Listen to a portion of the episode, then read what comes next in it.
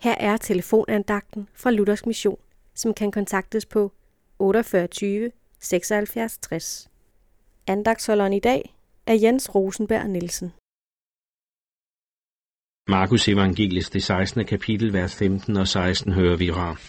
Så sagde han til dem, gå ud i alverden og prædik evangeliet for hele skabningen.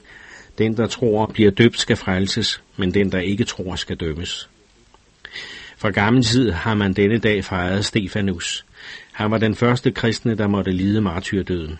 Ene og alene, fordi han ikke kunne tige med, hvad han havde set og hørt.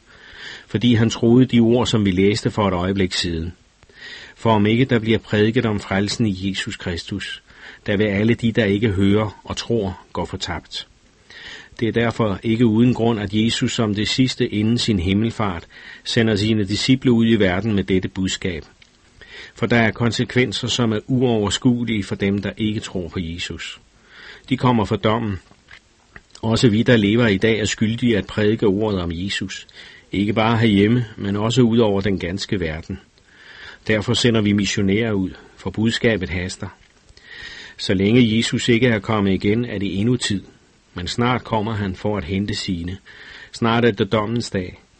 Det vidste Stefanus, og han tav ikke, selvom han vidste, at det i sidste ende kunne koste ham livet på denne jord. Nej, der var et langt højere mål og hjem i himlen. Livet her på jorden er jo kun en gnist af evigheden. Og i evigheden er der kun to måder at tilbringe på. Enten i fortabelsen, eller også frelst sammen med Jesus og hans venner.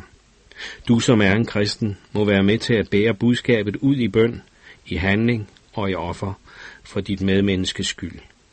Amen.